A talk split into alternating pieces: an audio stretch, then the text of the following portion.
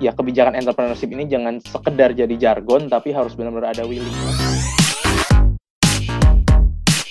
Ternyata banyak sesat pikir, banyak salah kaprah, banyak mitos tentang kewirausahaan ini gitu, Bang.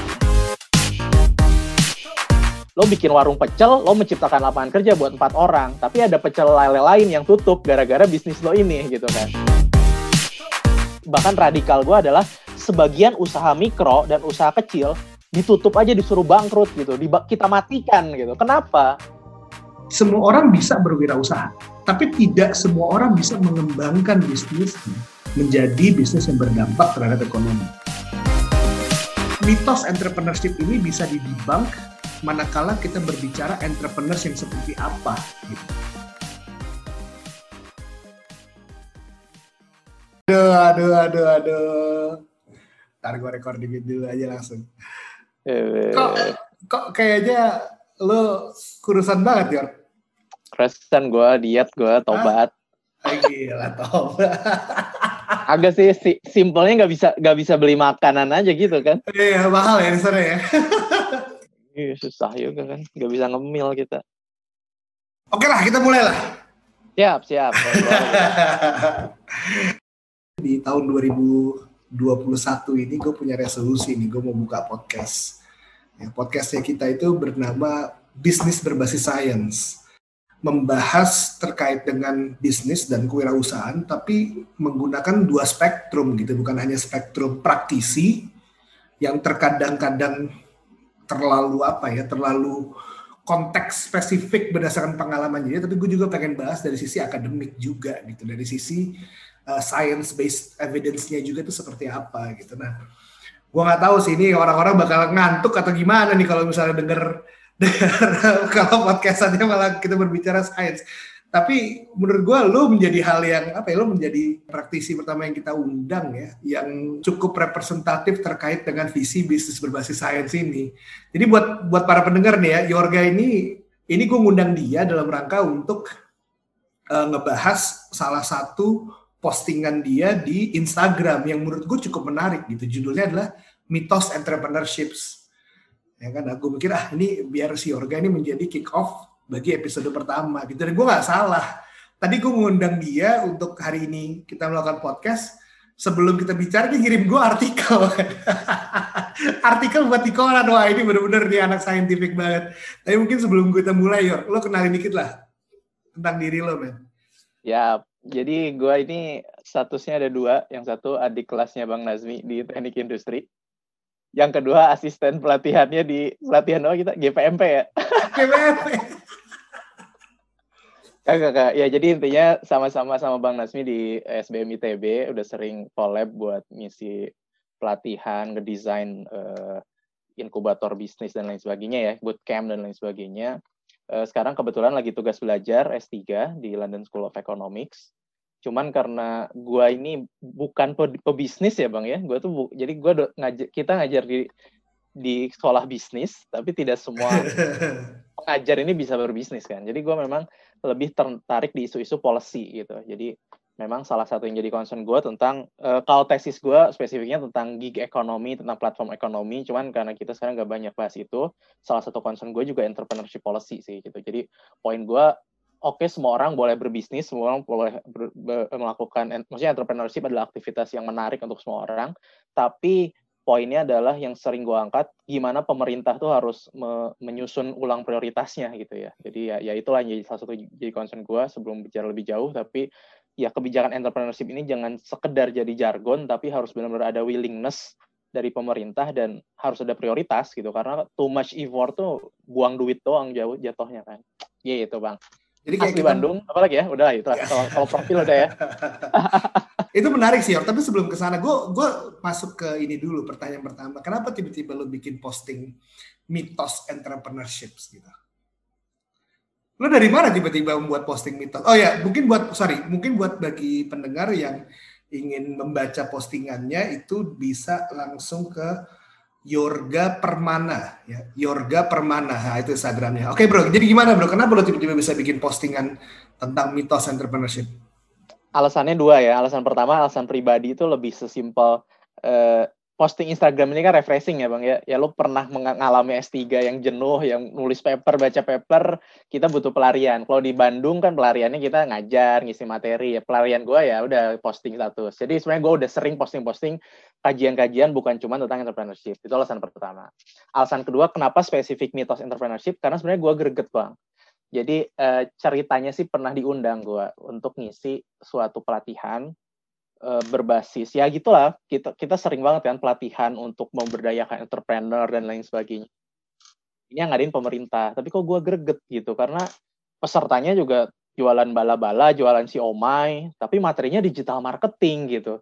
Ini kok jauh panggang dari api gitu. Jadi ini yang jadi kritik gue pemerintah tuh menjadikan entrepreneurship as a buzzword ngabisin anggaran ngabisin proyek untuk pelatihan yang KPI-nya nggak jelas gitu. Jadi ya gue bilang bikin ya udah ini mitos entrepreneurship atau sesat pikir entrepreneurship yang ternyata bukan hanya jadi masalah pemerintah tapi juga pengajar mahasiswa bahkan pebisnis sendiri yang uh, apa ya jadi uh, too much aja. Kita bicara entrepreneurship too much tapi tanpa menyadari yang kata lo tadi science base-nya seperti apa. Jadi gue pengen lebih banyak mengemphasize science base-nya. Udah banyak kok penelitian, walaupun penelitian juga debatable di social science ya. Kita nggak bisa langsung percaya nih paper ini empirically bilang kayak gini ya kita harus skeptis. Tapi ya dari skeptisisme itu ternyata banyak yang bisa kita ambil gitu bahwa ternyata banyak sesat pikir, banyak salah kaprah, banyak mitos tentang kewirausahaan ini gitu bang. Gila itu kata-katanya ngeri, sesat pikir. sesat pikir. Gue kayaknya akan jadikan itu ininya, judul judul podcast kita, sesat pikir. eh kebetulan itu judul artikel lo kan? Yo, sesat pikir fallacy, ya. Fallacy kan? Iya. Oh, fallacy, fallacy diterjemahin ke bahasa Indonesia. Oke, okay. tapi ini yang menarik ya. Di dalam postingan lo, kita akan membahas satu tesis yang paling ya apa ya kayaknya benar-benar benar-benar salah satu tesis yang paling diandalkan oleh uh, banyak uh, pemerintahan ya dalam rangka untuk mendorong namanya aksi entrepreneurship. Jadi tesis bukan bukan dalam rangka agar mereka terpilih jadi kepala daerah atau aduh isunya ke sana dalam rangka untuk terpilih dalam rangka untuk yeah. suatu tujuan. Oke, okay. nah tesisnya ini cukup menarik ya.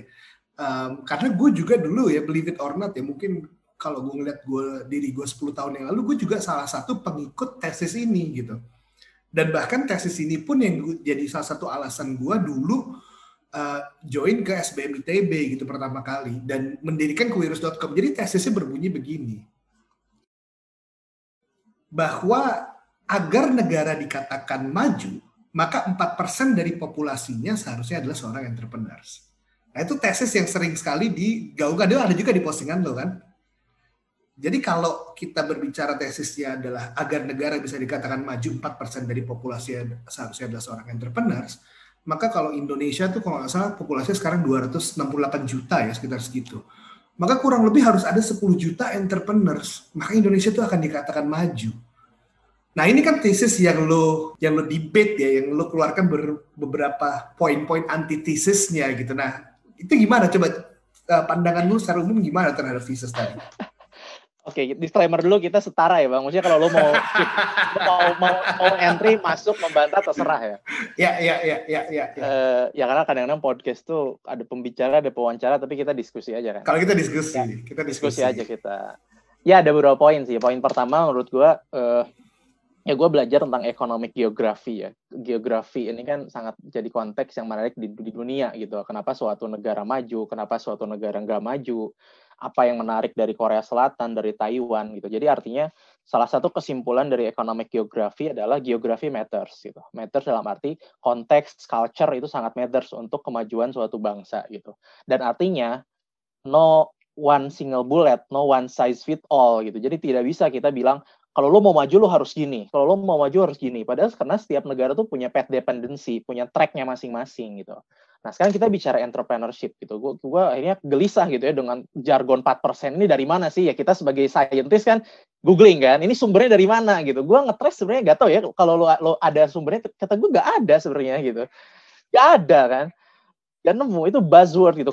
Kemenperin udah ngomongin itu gubernur Jawa Timur semua orang politisi lah gitu. Dan itu bukan kejadian di Indonesia doang. Kalau di luar negeri mungkin lebih ilmiahnya dia nggak pakai angka gitu ya. Cuman kita kan bisa usaha itu cukup. Kalau kita kan 4% gitu. Ting di mana 4% tuh gitu kan. Tapi ya poinnya adalah angka itu tidak ada. Pertama tidak ada angka threshold minimum gitu. Ya, uh, gue cerita di postingan itu, US, Korea Selatan itu punya culture entrepreneurship yang tinggi. Kalau kita define entrepreneurship sesimpel new venture gitu ya.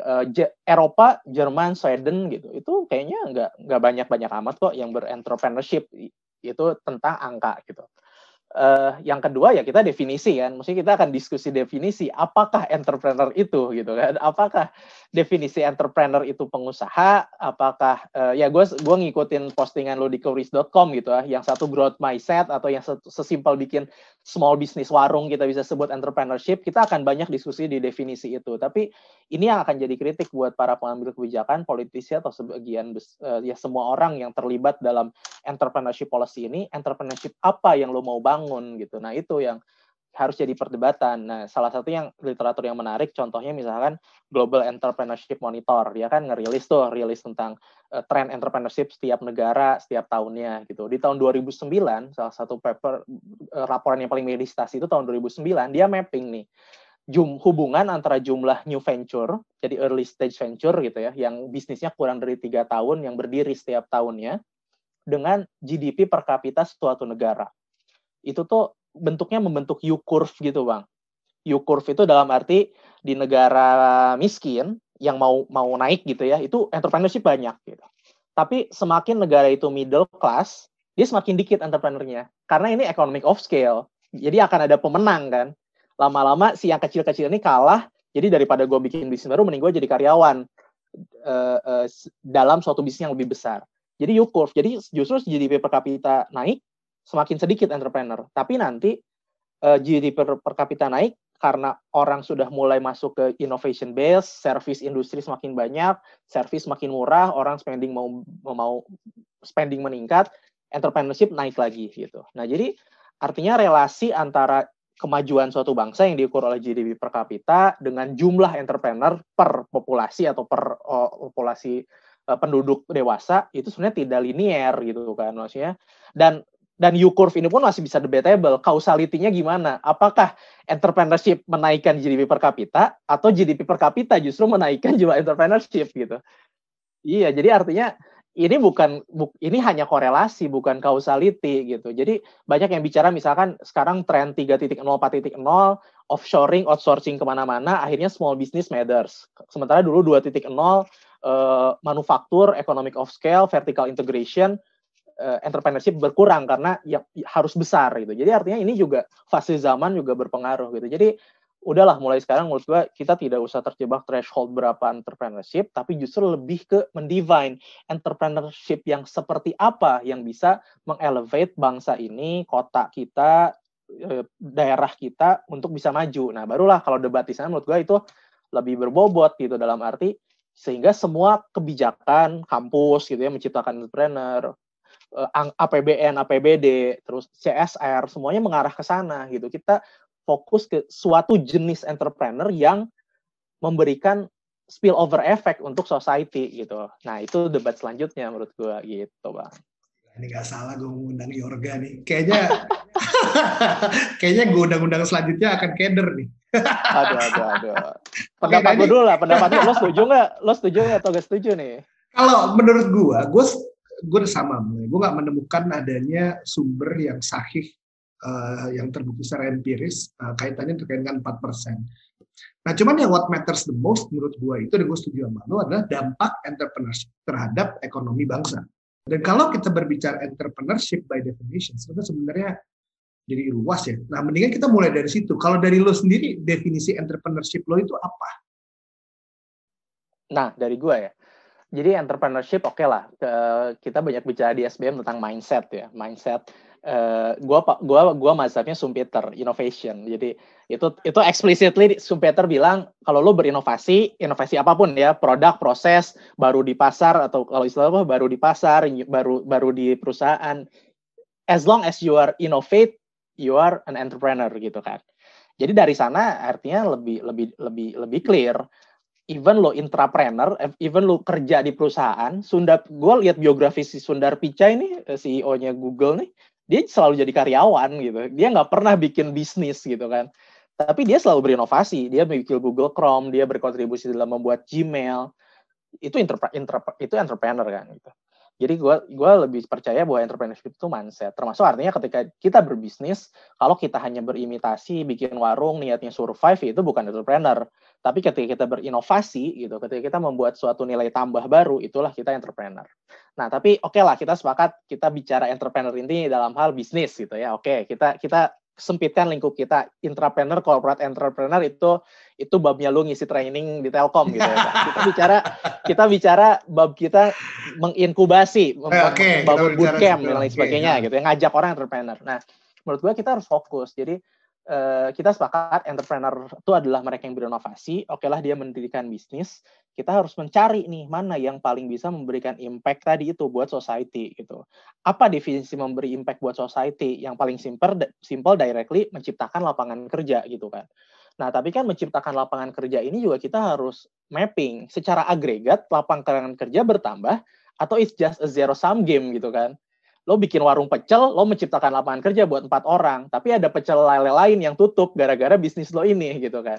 Jadi artinya beberapa bisnis yang sifatnya lokal atau bahasa uh, papernya kan non tradable non tradable bisnis ya non tradable service. Jadi non tradable itu artinya produknya tidak bisa di trade jauh. Jadi distance matter hanya berlaku lokal itu sebenarnya adalah zero sum game bisnis jadi market saturation terjadi di sana.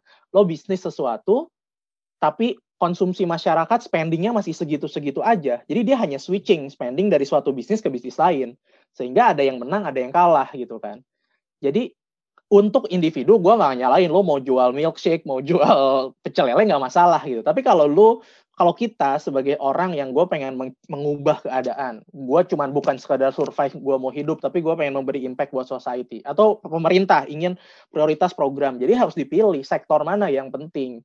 Nah, beberapa penelitian yang gue percaya, ternyata bisnis tradable service ini yang lebih matters daripada non tradable service gitu. Jadi gue misalkan gue sangat suka bukunya Enrico Moretti, dia labor economics, dia nulis buku The New Geography of Jobs. Dia cerita tentang bisnis-bisnis tradable ini. Tradable itu paling simpel manufaktur kan, pabrik lo produk jualan dijual keluar bisa ke mana pun.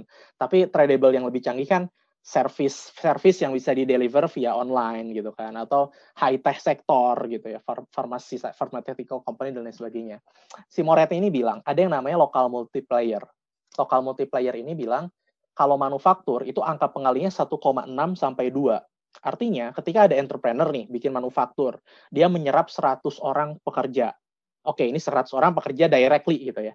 Nah, akan ada 160 pekerja lain yang tidak bekerja di sana, tapi dia jadi ada pekerjaan gara-gara aktivitas si pabrik ini gitu. Ini multiplier kan. Ada pabrik, ada laundry, ada tukang ojek, ada tukang bala-bala dan lain sebagainya. Itu 1,6 pengalinya. Kalau high tech sektor, dia menemukan nilai pengalinya itu 6 gitu. Dan dia selalu pakai contohnya Microsoft, eh, Amazon, Apple gitu. Microsoft yang datang ke Seattle, Seattle yang saat itu lagi zong banget ya karena Boeing waktu itu udah industrialisasi Seattle tuh udah kota yang gak ada harapan lah mirip Detroit gitu ya. Semua orang pengangguran banyak tiba-tiba datang Microsoft karyawan 12 ribu tidak hanya menciptakan 12 ribu karyawan tapi dia bilang ada 60 karyawan 60 ribu aktivitas pekerjaan lain. Dokter lawyer ya itu semua kan sebenarnya non tradable ya. Itu tuh semuanya local service. Tapi gara-gara ada orang yang gajinya gede kerja di Microsoft spending dia bertambah itu menciptakan aktivitas multiplier effect untuk masyarakat gitu. Akhirnya Seattle eh, Starbucks besar di sana Amazon membuat headquarter di sana. Jadi artinya Microsoft ini impact-nya bukan cuma buat karyawan Microsoft per se tapi juga untuk satu kota keseluruhan. Nah itu yang gue ingin ceritakan bahwa ketika fokus kita effort kita besar untuk sesuatu yang apa yang memberikan impact besar? Misalkan generate indirect jobs, mengurangi kemiskinan, menaikkan uh, UM bukan UMR apa istilahnya wage uh, average wage di kota tersebut dan lain sebagainya. Itulah yang harus jadi prioritas uh, uh, uh, uh, kita gitu, pemerintah, pendidik, acara inkubator dan lain sebagainya. Dan gue sepakat sebenarnya bisnis entrepreneur in terms of uh, tradable sectors yaitu manufaktur, uh, digital gitu. Itulah yang sebenarnya bisa mengenerate uh, multiplier efek kepada sektor-sektor lokal. Sektor-sektor lokal gue pikirnya itu laissez faire aja lah status quo, diemin aja UKM itu. Di, gak usah dikasih kredit, gak usah dikasih apa selama aktivitas pasar bekerja dia bisa jualan bala-bala gitu. Gak usah dipaksain dia harus ikut digital marketing gitu kan. Ya. Gitu, Oke, okay. jadi gue menangkap sih poin dari lo ya. Tapi coba gue ini ini ya supaya pembicara nih gue takutnya banyak yang haha nih iya. Mas Yorga, Kang Yorga ini kok tinggi banget nih bicara apa? Terlalu terlalu ini. Ya. tapi menurut gue menarik, itu interesting banget dan dan gue cukup yakin bahwa uh, uh, ada beberapa tesis-tesis yang barusan lo sampaikan ini bisa uh, kita bahas lebih lanjut ya. Tapi sebenarnya gue balik lagi dulu ya. Kalau bagi gue pribadi ya, entrepreneurship itu sendiri, kalau kita udah pakai kata ship ya di belakangnya ya, itu kan berarti suatu proses ya, suatu aktivitas. Kalau entrepreneur kan pelaku ya, entrepreneurship ini adalah suatu aktivitas untuk bisa menciptakan suatu bisnis. Nah kalau tadi yang lu tunjukkan gitu, dengan contohnya Microsoft uh, masuk ke Seattle dan bagaimana uh, itu membawa suatu efek terhadap uh, perekonomian lokal gitu kan terutama terkait dengan munculnya jobs baru ataupun jobs-jobs turunannya yang juga cukup menarik adalah kalau misalnya uh, pecel lele masuk ke Seattle apakah akan berpengaruh? Kan kira-kira kayak gitu kan? Jangan-jangan nggak berpengaruh nih. Nah, berarti kan yeah. sebenarnya kalau kita lihat entrepreneurship itu adalah aktivitas untuk menciptakan bisnis berarti kan bisnis seperti apa nih? Nah ini yang paling penting kan bisnis yang seperti apa yang kalau diciptakan itu bisa menghasilkan dampak. Nah, yang gue tadi mau sedikit diskusi ya, saat lo berkata terkait dengan KM. Nah, ini agak-agak menarik, ini cukup menarik ya, di mana kalau kita berbicara UKM, eh, usaha kecil dan menengah, ya, usaha kan UKM itu usaha, usaha kecil. Ya, tambah, tambah mikro lah, tambah mikro. UMKM lah, oke okay lah, UMKM, UMKM ya. ya usaha menengah apa usaha mikro kecil mikro menengah. kecil menengah. Ya. ya. Nah, pada hakikatnya itu kan definisinya sebenarnya berdasarkan kalau definisi formal legalnya itu kan berdasarkan omset, betul tidak? Jadi at some point Gojek pun adalah mikro. At some point Gojek itu small. Setuju gak? Driver Gojek kan maksudnya? Enggak, Gojek as an organization at some point in his time dia yeah. adalah small business. Kalau kita mengikuti definisi formal legalnya. Yes. Microsoft bahkan Apple deh at some point dia adalah sebuah small business. Yes Nah, jadi kita harus agak-agak kritisi dulu nih. UMKM ini tuh definisinya itu adalah suatu bisnis yang berada pada serata omset tertentu. Sebenarnya bukan bukan bisnis UMKM yang kita diamkan gitu. Tapi ya. yang lebih spesifik adalah suatu bisnis yang bisa growth, ya, yang bisa berkembang atau yang dia uh, tidak bisa berkembang gitu. Ya. Nah, saat gue berbicara growth, ini akan menjadi menarik lagi nih. Karena apa? Karena pertanyaannya, apakah pecel itu orang jualan bala-bala itu bisa di grow bisa di ya. scale ya. nah itu kan menjadi pertanyaan tuh kalau misalnya gue ganti gue memproduksi coklat dan ujung-ujungnya coklat itu bernama Cadbury pertanyaan gue kalau Cadbury buka di Bandung apakah naik ekonomi lokal Bandung nah artinya nah artinya kita nggak berbicara produk ya. kita nggak berbicara uh, besar kecilnya perusahaan tapi kita berbicara potensi pertumbuhan kalau gue, kalau gue melihatnya begitu. Karena agak susah nih kalau UMKM itu at some point semua bisnis itu small. Um, kalau kita berbicara jenis produk, kita bisa melihat ada berbagai macam produk-produk yang sebenarnya bisa masuk UMKM berdasarkan you know, definisi konvensional yang masyarakat, tapi banyak yang akhirnya berkembang pesat. Kayak Coca-Cola, McD jualan burger, tapi mereka memiliki dampak besar gitu kan. Yeah. Uh, it's not about the product sih sebenarnya. It's not about the product, it's not about the industry. It's about apakah bisnis ini memang bisa si entrepreneurs-nya mengembangkan menjadi berdampak. Jadi itu kalau dari gue, yang paling penting ya entrepreneurs-nya nih. Bukan entrepreneurship-nya, bukan bisnisnya. At the end of the day, what matters the most itu adalah entrepreneurs-nya. Ya, gue kalau malah jadi yang diundang ya. Artinya kan gue jadi ini ya, diskusi ya, itu diskusi ya.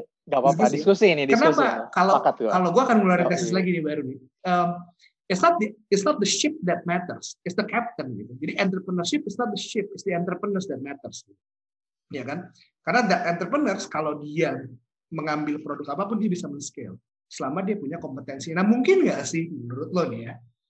Mungkin nggak sih itu alasannya UMKM ya. tadi quote unquote um, sebenarnya kita bisa bicara usaha mikro kali usaha kecil itu justru dibekali kompetensi-kompetensi untuk grow. Mungkin nggak sih itu maksudnya dari pemerintah? Bagaimana menurut lo? Oke, nah uh, iya sih. Uh, ya gue sepakat sama yang kata lu bang. Jadi poinnya adalah uh, uh, as long as dia semangatnya untuk growth dan nantinya dia memberi impact, bentuk produknya apa pun, kita sepakat itu nggak masalah gitu. Cuman kan pada akhirnya menurut gue tetap walaupun dia usaha kuliner pada pada akhirnya pun dia berbasis produksi kan ada manufacturnya di sana gitu. Jadi gue masih gue masih percaya kayak ya kopi kenangan itu kenapa kenapa menarik? Karena dia membuat bisnisnya ada digitalnya ada manufacturingnya gitu kan. Jadi uh, inilah yang memang saat kita hanya memprioritaskan jualan instead instead of produksi ini jadinya kopong gitu kan. Kita bicara 4.0, 3.0, tapi 2.0-nya lupa gitu kan. Sehingga akhirnya digitalisasi marketplace akhirnya 80% produknya impor gitu kan. Itu kan yang kita tidak inginkan itu kan. Yang kita tidak inginkan growth-nya besar tapi akhirnya dia cuma jualan gitu. Dia ngambil margin jadi rent seeker doang gitu. Jadi kita oke okay lah kita jualan kue, McD, KFC apa pun tapi ada produksi di sana kan, ada nilai tambah di sana. Tapi oke, okay, balik ke pertanyaan tentang UMKM ini gitu. Ya betul. UMKM ini definisinya kan ada yang berdasarkan omset berdasarkan jumlah karyawan berdasarkan revenue aset dan lain sebagainya. Tapi kita sepakat ada mikro eh, kecil menengah sampai besar gitu. Biasanya eh, eh, kalau dari jumlah tuh yang gue lihat mikro itu di bawah empat orang gitu kan. Nah masalahnya adalah gue melihat kadang-kadang ya betul saat kita bicara UMKM ini dimensinya luas banget kan. UMKM yang mana sih yang yang kita bincangkan? Betul betul bang. Itu kadang-kadang uh, mindset kita UMKM itu warung tapi sebenarnya tuh sama Gojek pernah jadi UMKM terus uh, ya uh, uh, kewirus.com pernah jadi UMKM ya itu kan sektor yang berbeda. Cuman artinya yang yang gue ingin sampaikan ke pemerintah adalah tidak semua UMKM ini harus dipaksa untuk naik kelas gitu jadi bahkan radikal gue adalah sebagian usaha mikro dan usaha kecil ditutup aja disuruh bangkrut gitu, kita matikan gitu. Kenapa? Karena karena gini, selalu yang namanya inkubator, pelatihan dan lain sebagainya kan cuma tiga kan, access to capacity, access to finance, access to market gitu. Nah, akses ke capacity atau capacity building dan pelatihan dan lain sebagainya ini kan nggak instan gitu, Bang. Lu sendiri sering kali ngisi di pelatihan yang kadang-kadang kita passionate ngajarnya, kita tahu anak yang kita ajar tuh ngerti dan dia akan dapat inspirasi dari kita, tapi kadang-kadang kita ya udah yang penting gue dibayar, gue tahu pesertanya juga zong nanti setelah selesai acara ini dapat sertifikat, dia nggak dapat apa-apa gitu. Nah, ini yang jadi kritik gue gitu. Kita memaksakan semua UMKM naik kelas dengan pelatihan-pelatihan niatnya capacity building, dilanjutkan dengan akses to market, akses to finance, tapi capacity ini nggak bisa di building gitu. Bukan gue meremehkan, tapi capacity ini kan human capital theory, ini akumulasi, path dependency gitu.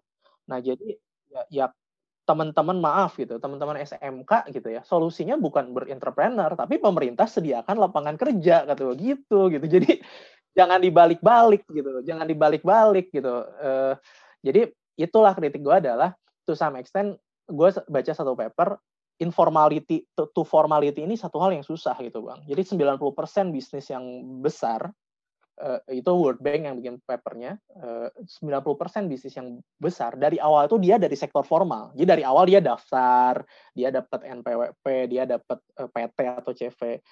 Instead of awalnya informal terus dipaksa untuk naik ke formal gitu. Karena kebanyakan bisnis informal kan ya cuma buat survive kan. Dia disuruh formalisasi nggak mau lah gue harus bayar pajak gitu kan. Jadi memaksakan usaha-usaha mikro ini untuk naik kelas, kata gue to some extent, kalau salah sasaran, ini jadi effort buang-buang biaya. Teman-teman usaha mikro kayak gitu, biarin aja gitu. Bahkan kalau bisa, kalau ada pekerjaan, tukang bakso itu lebih milih jadi karyawan pabrik daripada jadi tukang bakso gitu.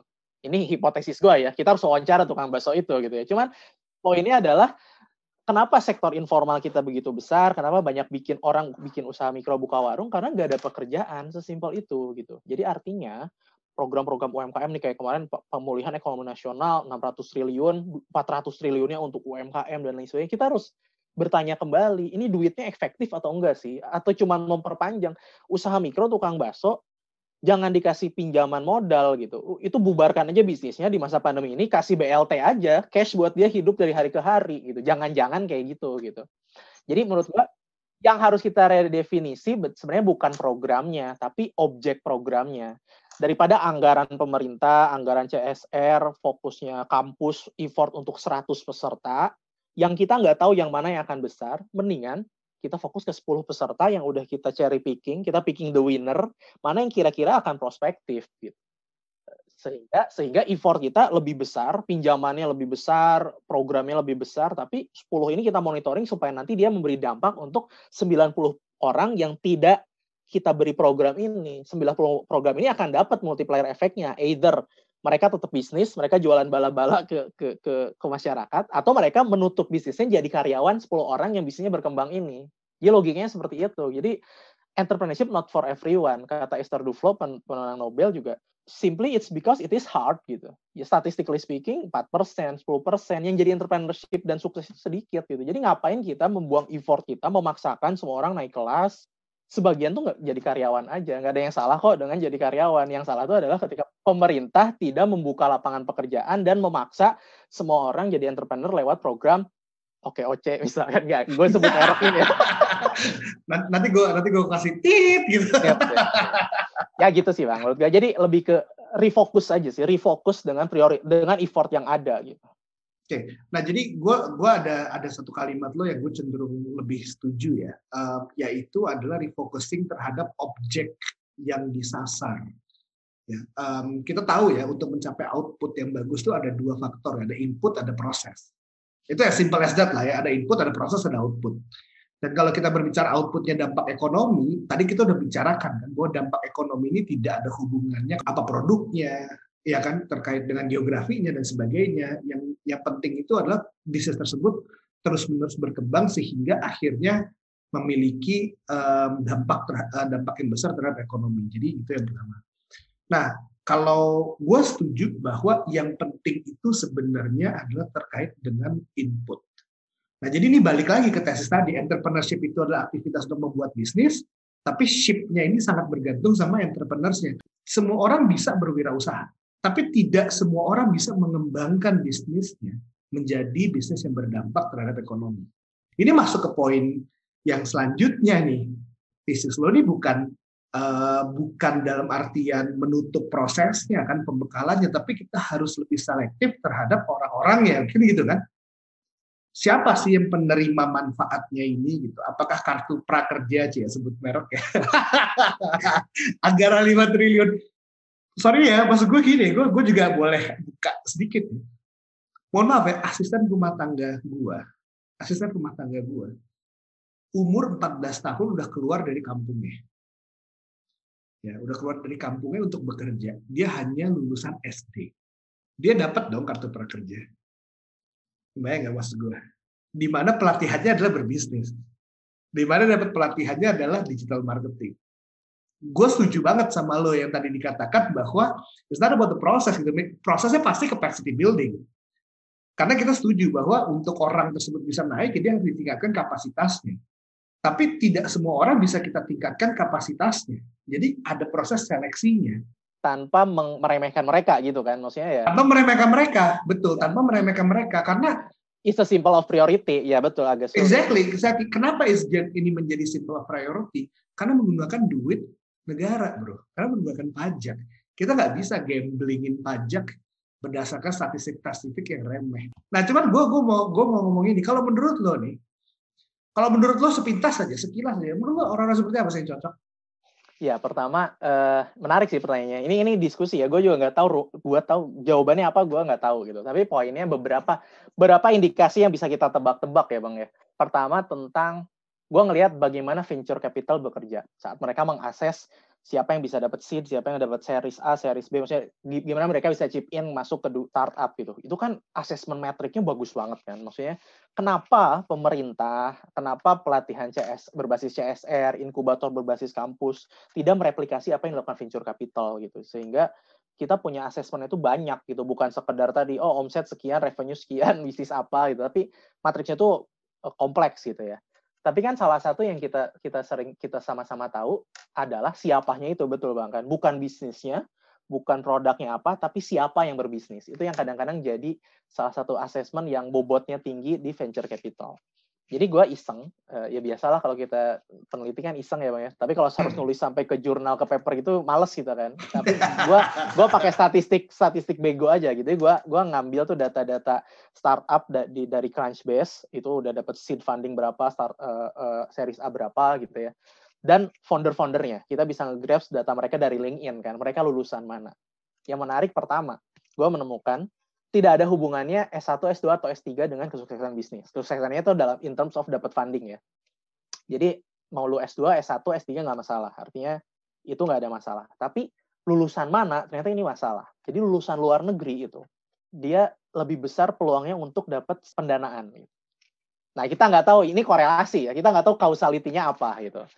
Terus gue gue ngegali tuh ke temen yang founder startup gitu. Dia nanya, apa sih hubungannya lo lulusan Harvard, lulusan kampus luar negeri? Ya kadang-kadang visi juga bias gitu kan. Oh dia lihat luar negeri, uh, dia mau uh, invest ke sana karena lo ses sesimpel lo lulusan Harvard gitu. Tapi poin yang ingin gue sampaikan sebenarnya ini jadi PR ya buat masih orang terdidik gitu kan. Lo lulusan luar negeri, lo lulusan kampus ternama di Indonesia, kampus negeri gitu.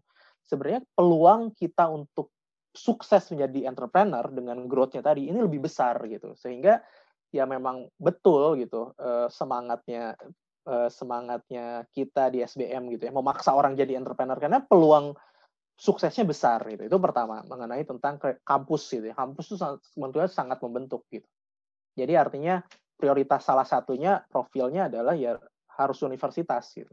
Ya lagi-lagi tanpa meremehkan yang tadi ya teman-teman SMK SMK ya itu nggak apa-apa. Cuman kewajiban pemerintah lebih ke menyediakan lapangan kerja daripada mendorong mereka jadi entrepreneur. Itu seolah-olah cuci tangan kan? Gue nggak punya lapangan kerja udah lo jadi entrepreneur aja gitu kan? Jadi menurut gue lulusan kampus. Yang kedua yang menarik menurut gue ya ini juga belum dicek robasnya ya cuman ternyata mixing founder juga penting gitu bang. Antara manajemen uh, bisnis dengan engineering gitu.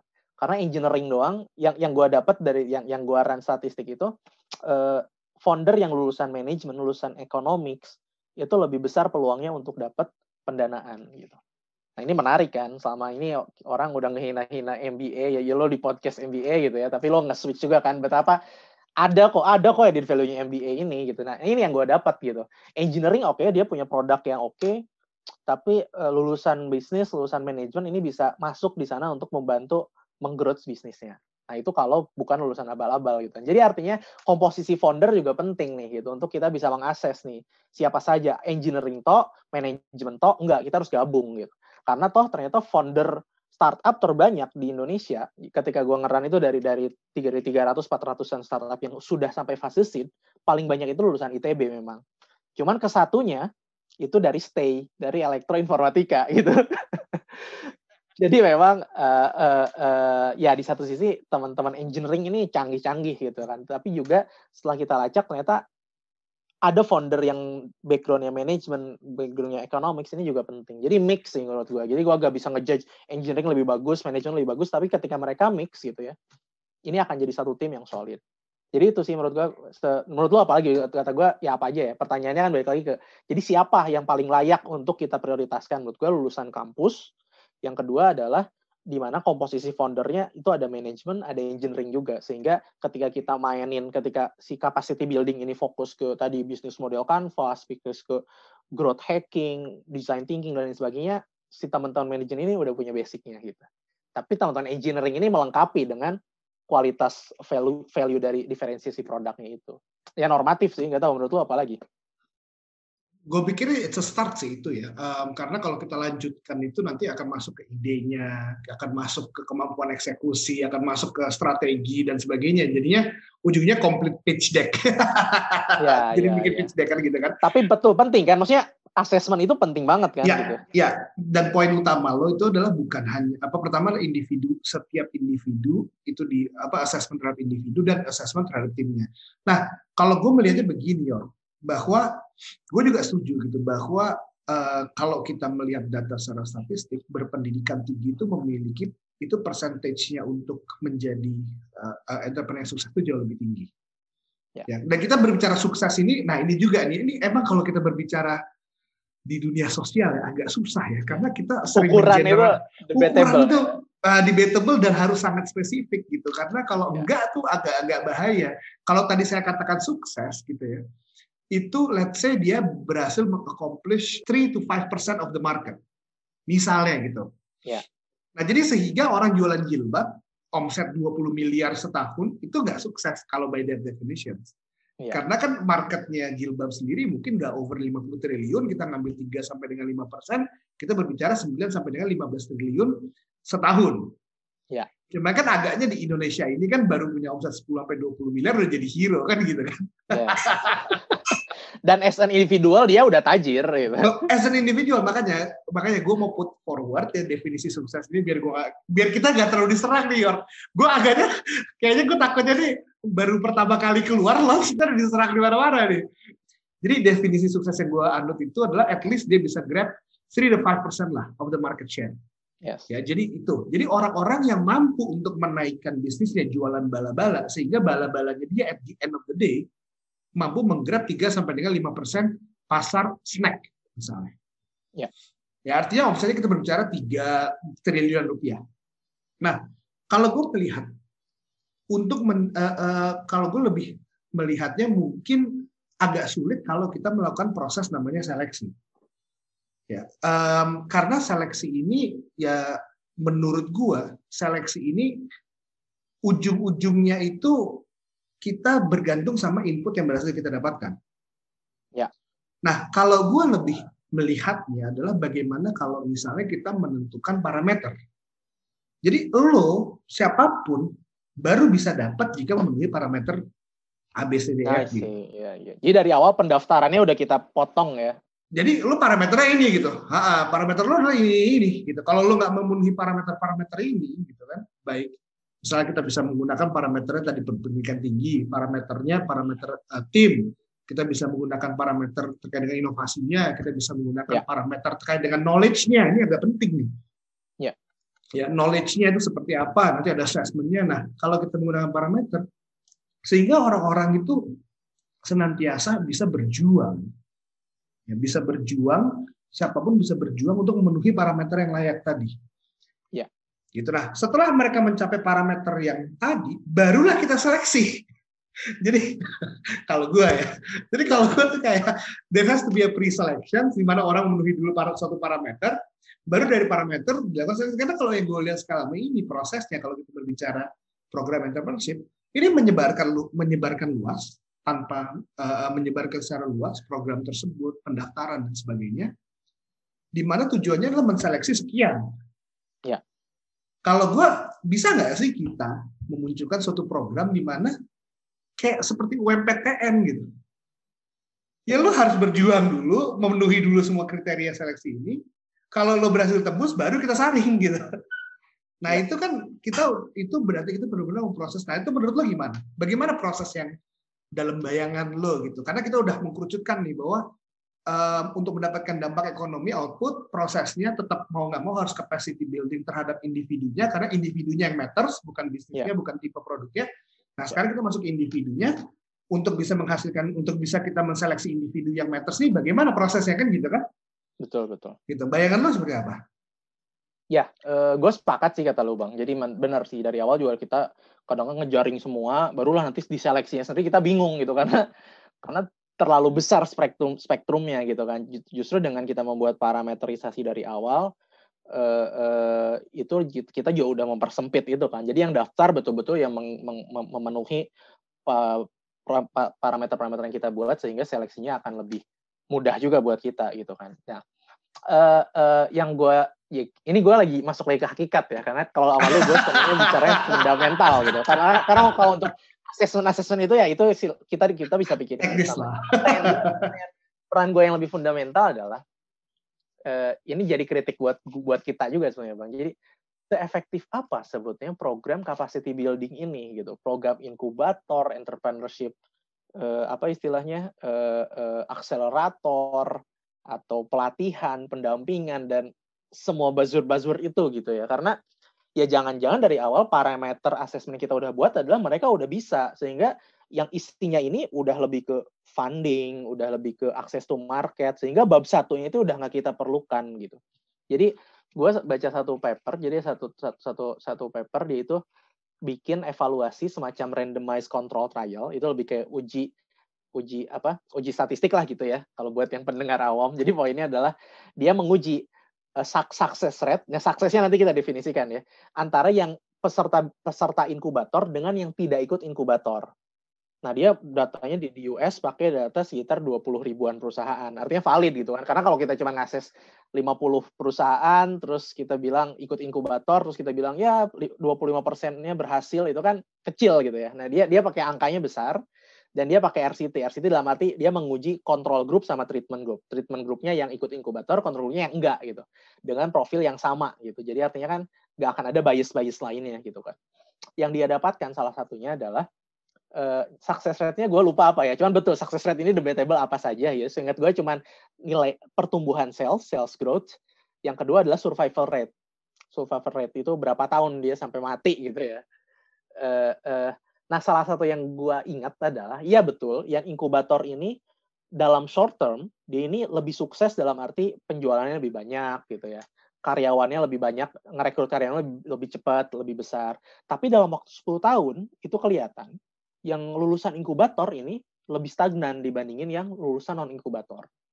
Nah, analisis si penulis itu dia bilang, kenapa? Karena yang lulusan inkubator ini dia ter, terlanjur berada di zona nyaman dari awal udah disuapin, dari awal udah ada networknya, sehingga ketika long short term dia kelihatan lebih melesat karena dia startnya beda gitu. Tapi di waktu 10 tahun dia ini melambat karena karena udah ya dari dulu gitu-gitu aja zona nyamannya. Nah ini jadi otokritik buat gue kata gue kadang-kadang mikir sebenarnya kalau kita lihat nih lulusan-lulusan program-program ini yang sukses apa sih di Indonesia gitu. Oke okay lah kita bilang Y Combinator kita punya Payfast kita punya apa gitu. Tapi rata-rata kalau kita mapping teman-teman startup yang jadi di Indonesia kan itu bukan lulusan inkubator sebetulnya, bukan lulusan acara acara-acara seperti itu gitu. Nah sekarang juga sekarang juga Telkom lagi redefinisi kan gimana Amuba, Indigo bisa nyambung ke MDI, gimana alur mereka ini jadi gitu. Tapi selama ini kan ada kritik ke sana bahwa spin off spin, apa lulusan-lulusan program-program seperti itu tuh nggak ada yang jadi gitu. Nah ini jadi autokritik sebenarnya buat para pembuat program gitu ya. Apa sih ya nilai ukurannya juga nggak sekedar setelah lulus eh, enam bulan satu tahun. Tapi kita harus betul-betul monitoring kan. Maksudnya lima tahun ke depan ini masih jadi nggak sih bisnis ini gitu. Jadi artinya menurut gua kita harus redefinisi kembali gitu. Pendampingan inkubator dan lain sebagainya gue sepakat yang harus kita fokuskan adalah akses pada pasar akses pada modal. Cuman capacity building ini sejauh mana sih kita harus dalami itu gitu jangan-jangan itu adalah tugas perguruan tinggi, tugas SBM, tugasnya BINUS, tugasnya UNPAD, tugasnya UI, membangun profil entrepreneurship mereka gitu.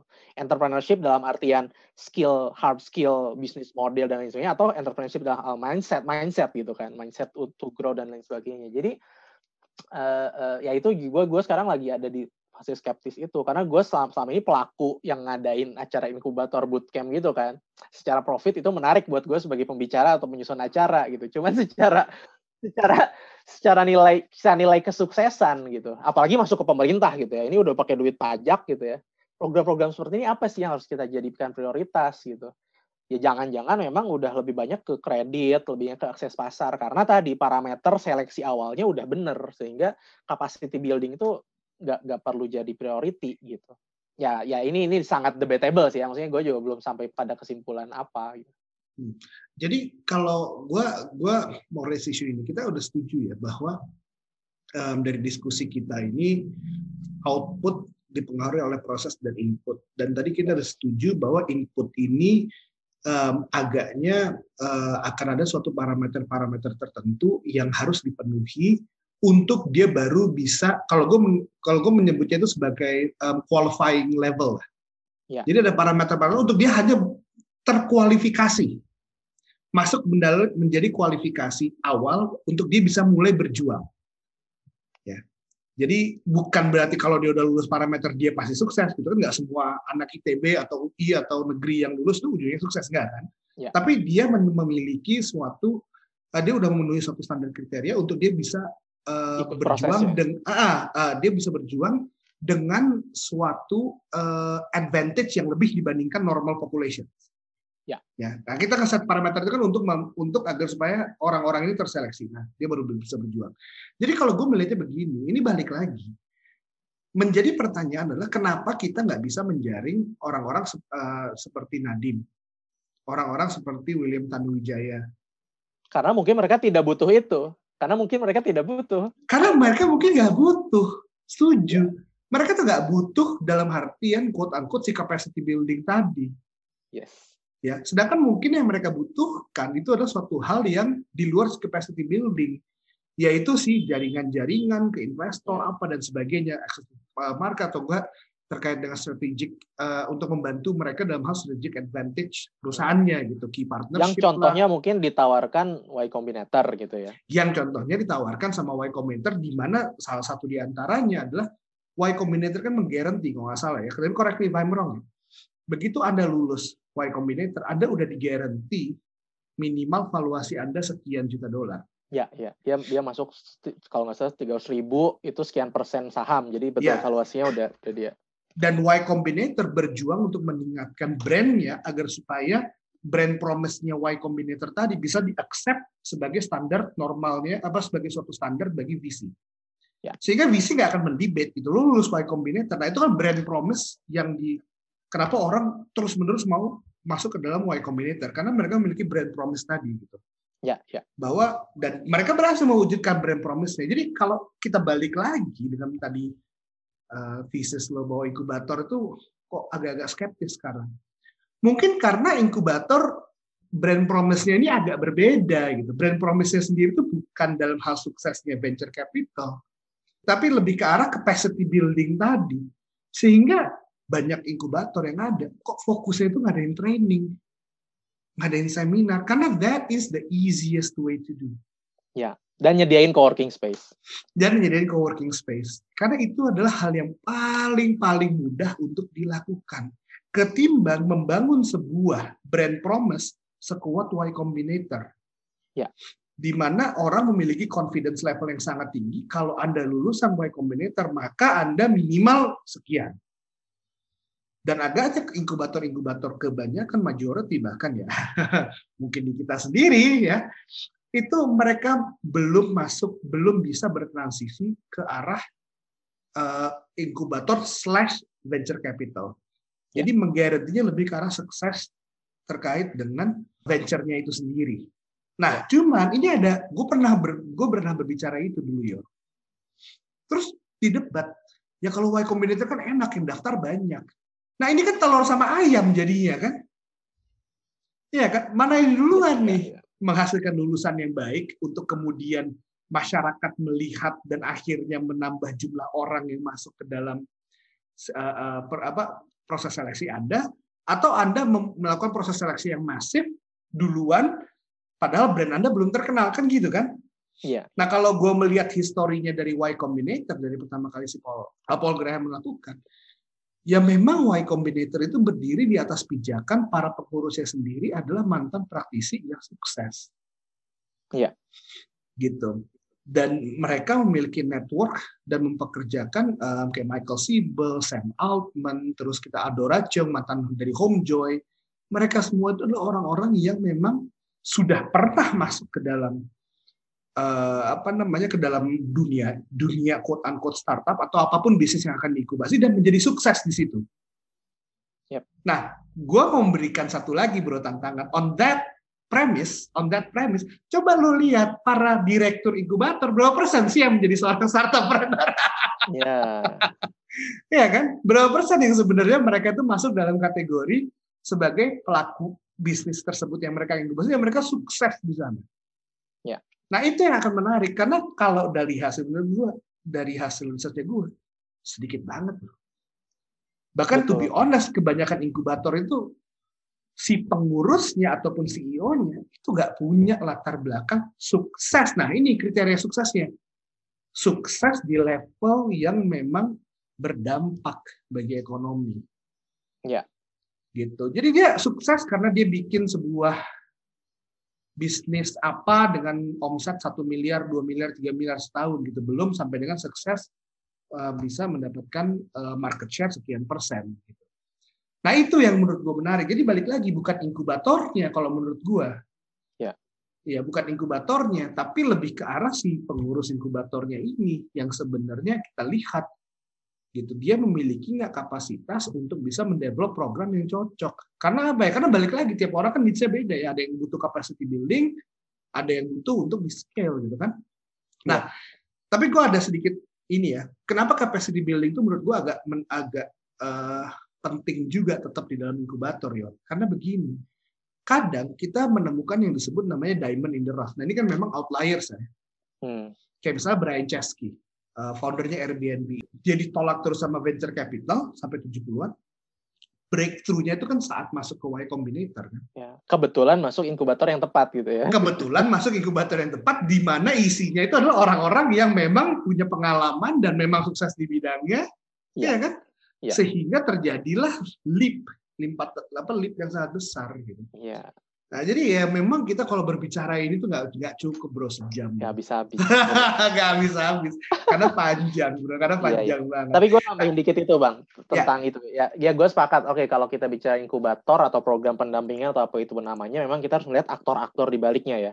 Oke lah, memang di kalau kita mapping banyak kan, ada yang berbasis kampus, ada yang berbasis perusahaan gitu ya. Ya Mandiri punya, Telkom punya, ada yang memang berbasis uh, ya let's say betul-betul kayak Y Combinator kan mereka tuh memang praktisi yang concern ke sana gitu. Atau bahkan dia bisa ngelink ke visi atau berbasis pemerintah juga kayak startup digital seribu satu digital dan lain sebagainya. Nah, ini kan kita harus diskusi lebih panjang lagi nih karena masing-masing karakteristiknya berbeda gitu kan.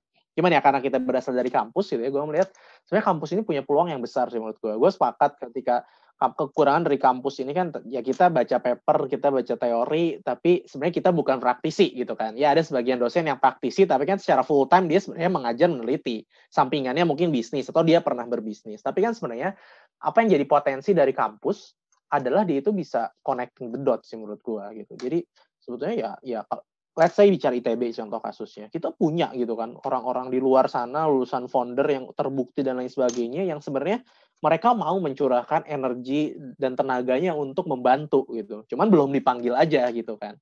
Dan gue sepakat menurut lu memang uh, uh, dosen ini bisa bantu jadi konseptor, bisa membantu mendesain gitu. Tapi betul kita butuh full time pengurus full time yang dibayar dan profesional mengurus itu gitu kan. Bukan setengah waktu kayak kayak kayak teman gue teman gue di School of Business di Leeds gitu katanya inkubator kampus Leeds University itu bener dia digaji aja profesional full time kerja untuk inkubatornya gitu Nah, tapi gue ngeliat memang kampus ini kan talent pool sebetulnya. Jadi gue masih menaruh harapan dalam inkubator berbasis kampus selama betul kata lo tadi dikelola profesional di mana si dosen-dosen akademisi itu jadi connecting the dots-nya gitu. Menghimpun para alumni-alumni yang punya duit, punya jaringan, punya profil dan lain sebagainya untuk mau bareng-bareng ngerjain ini bersama-sama gitu. Nah, ini belum lagi ya kita berbicara inkubator berbasis uh, uh, pemerintahan, berbasis uh, korporasi dan lain sebagainya. Cuman ya to some extent betul kata lo tadi uh, kita butuh diurus profesional dan ada connecting the dots di sana. Kita meng yeah. meng menghimpun banyak orang untuk terlibat di sana gitu. Ya, yeah. gue itu setuju banget. Um, kan kebetulan kan gue terlibat di dalam ini ya uh, perancangan peraturan Menteri Ristek Dikti tentang manajemen inovasi perguruan tinggi. Uh, itu tahun 2018 kebetulan gue nulis itu peraturan. Kalau gue boleh sombong sedikit deh.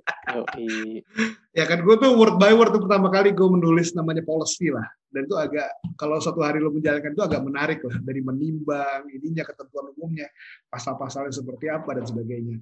Nah um, substansinya salah satunya adalah poin yang tadi lo katakan. Gue firmly believe bahwa sumber daya manusia yang mengurusi manajemen inovasi perguruan tinggi itu seharusnya uh, bukan hanya didapatkan dari internal, tapi bisa juga dari eksternal. Ya. Sehingga gue memasukkan suatu ayat yang berbunyi bahwa sumber daya itu bisa melalui pihak ketiga dengan perjanjian kerjasama. Tapi itu sempat didebat. Presentasinya agak tinggi. Kenapa? Karena begini, karena agaknya banyak ya banyak juga dosen-dosen di dalam yang merasa bahwa um, mereka itu memiliki kompetensi untuk ya, mengurus ya, profesor, ya, dokter ya, ini kan dokter ini kompetensi. ya. kompetensi untuk melakukan untuk mengurusi inovasi ini. Dan mereka menjadi orang yang tepat untuk mengurusi itu. Nah itu kalau gue sih melihatnya adalah lebih ke arah ego sektoral sih, di mana banyak orang yang merasa bahwa mereka tuh butuh, mereka tuh mampu. Nah Um, jadi gue setuju sih sebenarnya sumber daya yang mengurusi prosesnya pun jadi tadi ya input proses output kayak kita udah bahas tiga tiganya output kita udah bahas bahwa yang kita maknakan entrepreneurship yang berdampak apa dampak itu kalau kita berbicara dia memiliki ujungnya memiliki suatu substansial uh, market share Ya, jadi bukan hanya sekedar memenuhi kebutuhannya sendiri, tapi dia benar-benar mampu menggrab suatu market share yang cukup substansial. Itu dampak. Ya, jadi mau jualan pecel lele ya nggak apa-apa gitu. Kalau market share-nya pecel lele di Indonesia itu 10 triliun atau 20 triliun gitu total marketnya, ya pastikan pecel lele lo ujung-ujungnya let's say 5 triliun gitu. Karena kalau cuma pecel lelenya 100 cabang dan omsetnya ujung-ujungnya baru 50 triliun eh 50 miliar 60 miliar udah merasa puas ya itu sebenarnya tidak memiliki dampak terlalu signifikan terhadap ekonomi. Nah, gue nggak tahu itu silahkan tuh lo kuantifikasi kuantifikasi itu tuh. Itu tugas lo tuh sebagai ekonom tuh mengkuantifikasi kuantifikasi minimum itu berapa sih untuk disebut dampak ekonomi gitu. Iya, iya. Ya kan, itu yang pertama. Nah, terus yang kedua, gue tadi lupa lagi mau berbicara terkait dengan dampak. Ini udah hampir sejam lebih nih, jadi gue harus ada. Iya, iya, iya. Jadi terkait dengan dampak, York, ini gue juga gue agak lupa tadi mau ngebahas. Uh, ada muncul di kepala gue, tapi gue nggak nggak gue mention. Si tukang bakso itu kalau dikumulatifkan, dia menghasilkan dampak. Nah itu. Kalau si usaha mikro itu, itu dikumpulkan, ya di, di klump jadi satu, itu berdampak karena kalau ini dihilangkan, tiba-tiba akan hilang sekian besar um, ekonomi di Indonesia. Tapi ya itu menurut gua patut untuk dipertanyakan. Dilihat ya, dipertanyakan ya. Itu patut dipertanyakan. Ya, gitu. Karena kita dari tadi berbicara masih on the individual level, belum sampai ya. ke agregat. cluster atau grup agregat. Hmm. Kalau agregat ini berpengaruh atau tidak? Nah, itu jadi terkait dengan output ya. Dua poin kita simpulkan satu dampak itu harus dilihat dari market share bukan hanya terkait dengan omset uh, individunya. Yang kedua adalah menarik untuk ke depannya kita lihat terkait dengan dampak agregat ya sebagai ya. ya dan tentu harusnya bentar agregat itu harus masuk ke indikator ekonomi ya. Maksudnya naikin dan maksudnya bisa dibagi ke region level kan maksudnya naikin nge-elevate pemasukan di kota tersebut mengurangi kemiskinan menciptakan lapangan kerja baru nah itu kan agregat itu kan multiplier efeknya itu jadi ketika market share bicara individual level bisnis tapi kita bicara agregat apa efeknya secara tidak langsung untuk aktivitas-aktivitas ekonomi yang lain gitu kan. Iya, karena gua agak kebayang nih kalau tiba-tiba pecel lele kita tutup semua, itu jangan-jangan ya. dampaknya terhadap apa namanya Eh, eh, kolam-kolam lele lah inilah itu semua tutup semua tuh. Ya, jualan ya. pakan ke belakangnya ya kan jadi agregat itu agak menarik nah tadi udah output dah sekarang proses proses kita juga tadi berbicara ya dalam rangka untuk menciptakan entrepreneurship yang berdampak terhadap ekonomi proses kita udah berbicara bahwa um, proses itu is not solely about capacity building tadi ya. dan bahkan ternyata lu sendiri mengatakan uh, secara bukti empiris banyak mereka yang tidak melalui proses capacity building justru setelah 10 tahun mereka malah lebih uh, sustain bisnisnya kan gitu kan yeah. Iya. uh, si proses dan banyak yang tidak membutuhkan yang contoh Nadim uh, William Tanuwijaya mereka mungkin nggak masuk dalam capacity building gitu yeah. artinya proses itu ya nggak semata-mata hanya capacity building tapi harus ada other processes as well untuk bisa menciptakan dampak. Nah, tapi kayaknya kita cukup lama bahas adalah input. Ya, at the end of the day, um, mitos entrepreneurship ini bisa didebunk manakala kita berbicara entrepreneurs yang seperti apa gitu. Ya. Karena kalau kita berbicara entrepreneurs itu kita ujungnya berbicara entrepreneurs yang mampu men-scale bisnisnya sehingga memiliki dampak terhadap ekonomi. Karena kalau entrepreneurs tersebut tidak mampu untuk men-scale bisnisnya sehingga berdampak ekonomi, yang akan terjadi adalah suatu zero sum game sebenarnya. Yang seperti yang lo katakan gitu, dia bikin um, jualan Thai besoknya ada yang jualan Thai di sebelah kanan, ya ujung-ujungnya orang tadinya beli A, sekarang beli B gitu. Nggak berdampak apa pun terhadap pertumbuhan uh, terkait dengan ekonomi sisi regional. Wow, gila men udah sejam lebih. Edar, terus, edar, edar, edar. Oke, tapi sebelum kita tutup ya, sebelum kita tutup ya, lo ada ada ini nggak? Ada ada closing statement nggak nih? Mungkin nanti kita harus ada sorry mungkin nanti kita harus ada satu sesi policy. Karena kita tadi belum nyentuh policy, policy sama ya. sekali ya, nanti benar, lah next oke okay, gimana bro silakan closing statement ya jadi uh, poin gue saya percakapan ini jangan sampai membuat para pendengar podcast ini ataupun siapa pun jadi pesimis untuk berbisnis gitu kan uh ternyata susah ya jadi bisnis itu gitu kan menurut gue sih kalau bisnis untuk survive gitu apalagi di era pandemi ya sok aja gitu ya semua orang semua orang wajib untuk memenuhi kebutuhan perutnya gitu. Tapi kan yang kita selalu bicara tadi adalah prioritas gitu. Prioritas pemerintah, prioritas kampus, prioritas korporat, CSR dan lain sebagainya itu harus fokus gitu. Kalau agar kita berharap impact-nya lebih besar. Nah, hmm. satu lagi yang ingin gue sampaikan tentang tanggung jawab intelektual sih. Tadi salah satu yang kita sepakati, input yang paling penting untuk menciptakan entrepreneur yang sukses tadi itu adalah pendidikan gitu. Jadi uh, ada para tanggung jawab intelektual untuk lulusan universitas, apalagi universitas yang bereputasi gitu untuk ber, berbisnis gitu untuk menjadi entrepreneur karena peluang Anda untuk growth itu lebih besar dan peluang Anda untuk menciptakan kontribusi untuk ekonomi lokal maupun nasional itu lebih besar suksesnya gitu. Jadi ya itu sih menurut gue semoga jadi panggilan malah teman-teman pendengar ini jadi lebih semangat untuk berbisnis gitu. Gitu sih, Bang. Mantap sekali. Oke, jadi kapan selesai S3-nya, York? Aduh, jangan dulu lah, jangan ditanya itu. Tabu itu, tabu itu. Tabu itu, tabu. Oke lah bro, kalau gitu sukses selalu ya Siap, bro ya. Nuhun pisan Di bang. Inggris sana dan hati-hati katanya lagi itu ya, ada iya, lagi COVID naik baru nih. ya. COVID baru nih, doakan saja. Oke lah, siap. Stay safe kalau gitu Yorga ya. Siap, siap. See you di Indonesia. Oke? Okay? Yo, bye-bye Bye-bye.